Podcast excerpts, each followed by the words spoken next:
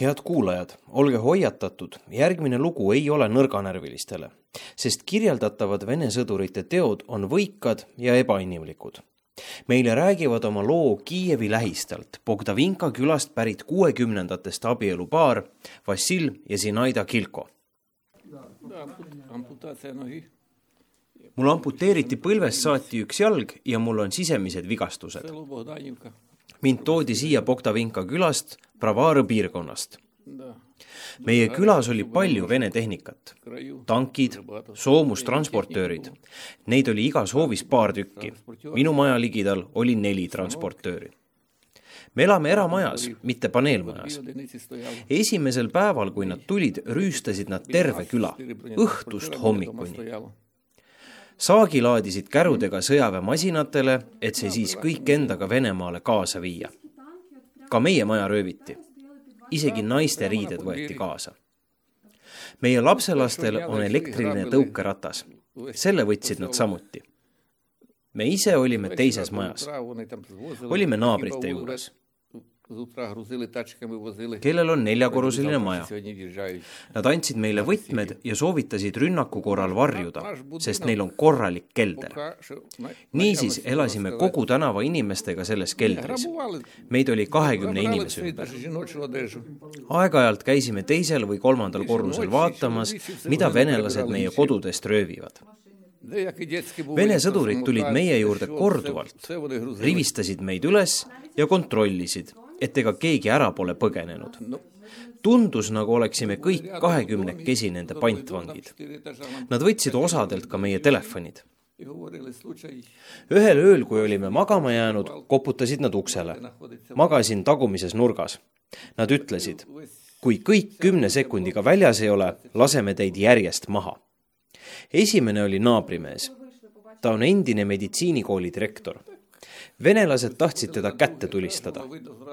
neljal olid automaadid ja ühel pumppüss. viimane mees oli komandör.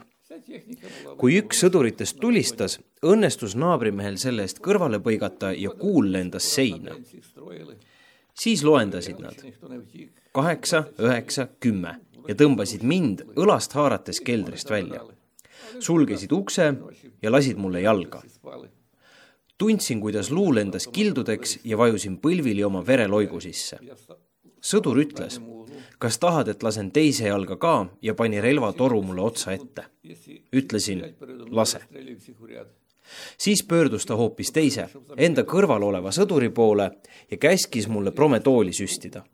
käsu saanud sõdur tegi mulle süsti. meie naaber ja mu naine on mõlemad meedikud Nad panid mulle žguti, et ma verest tühjaks ei jookseks. samuti oli neil antibiootikume.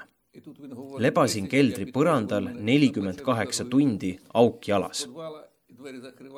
me ei teadnud ka evakuatsioonikoridorist, sest keegi oli tapmise hirmus meie telefonid ära peitnud kaks kahekümneaastast kutti saabusid siis aga meie juurde soomusmasinaga ja ütlesid, et see on meie komandör ja ta on hulljulge. Nad näisid, nagu nad oleksid purjus. osadel naabritel olid veel autod alles, minu oma samuti. kuid mind viidi naaberkülla soomustranspordiga. seal avastasime, et evakuatsioonikolonn on läinud. meile öeldi, et siit lähete ise edasi või viime teid tagasi loopisime naabrite asjad pagasnikust välja ja mina läksin sinna asemele. kokku oli meid Hyundai Tusconis kümme inimest, mina pagasiruumis ja üheksa salongis. sõitsime Rudno külast mööda ja liikusime Semipoloki poole. seal hakkasid juba Ukraina kontrollpostid paistma ja väed viisid meid järgmisesse kontrollposti ning järgmisesse, kuni lõpuks jõudsime patrullideni sealt edasi juba haiglasse, kus kiirabiarstid mind opereerisid olin veendunud, et ei jää ellu. mõtlesin seda tol hetkel. nägin oma vereloiku ja seda, kuidas mu jalg väriseb. mul oli tohutu auk vasakus jalas ja olin kindel, et jooksen verest tühjaks. ma ei sooviks sellist asja isegi oma kõige hullemale vaenlasele. мене таке, таке в голові воно було. Зразу я ж лужа крові, я бачу, нога так тіліпається, тому що в нозі така дитка була.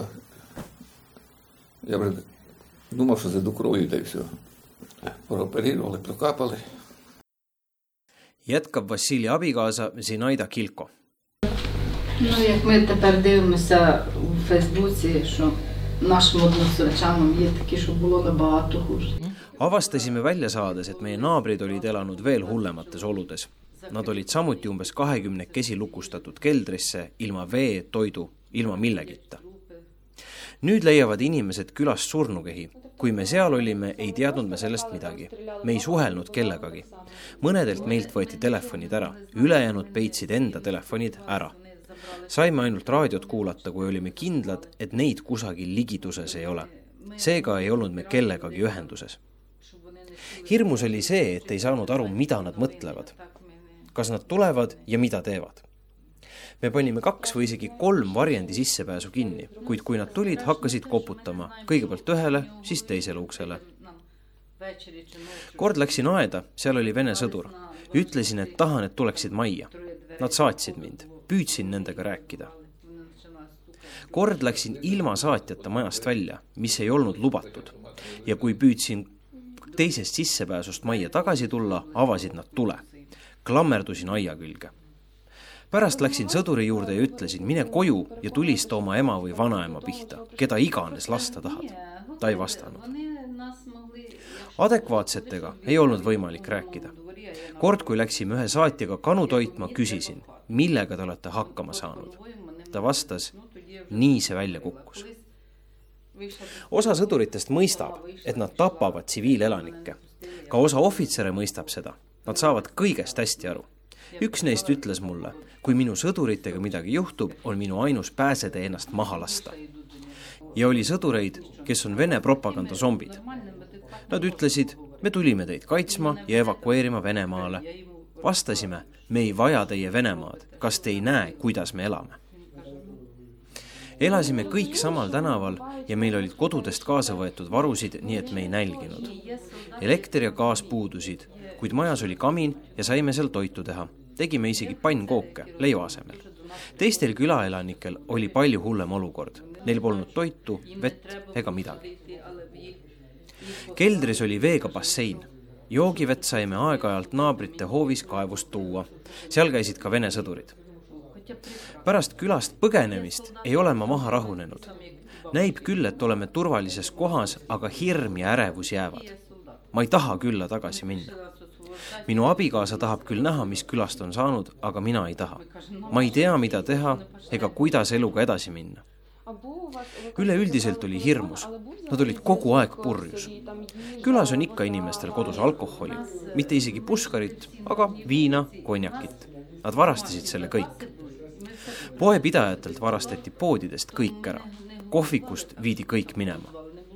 Nad leidsid kõik ülesse, esimesel päeval varastasid kõik paljaks. Nad leidsid kohe meie kulla ja raha. ütlesin, miks sul meie raha vaja läheb? meie krivnasid. sa ju varastad, sa ei osta ja sul ei ole kunagi võimalus mitte midagi, mitte kunagi Ukrainast osta. erinevalt Vassilist ja Zinaidast on palju neid, kes meiega rääkida ei saa. vaikivad hauad Irpinis, Butšas, aga ka siinsamas Bogdavinka külas. jääb vaid loota ja kahjuks tõesti vaid loota, et tegude toimepanijad eesotsas oma ninamehega saavad ka õiglase karistuse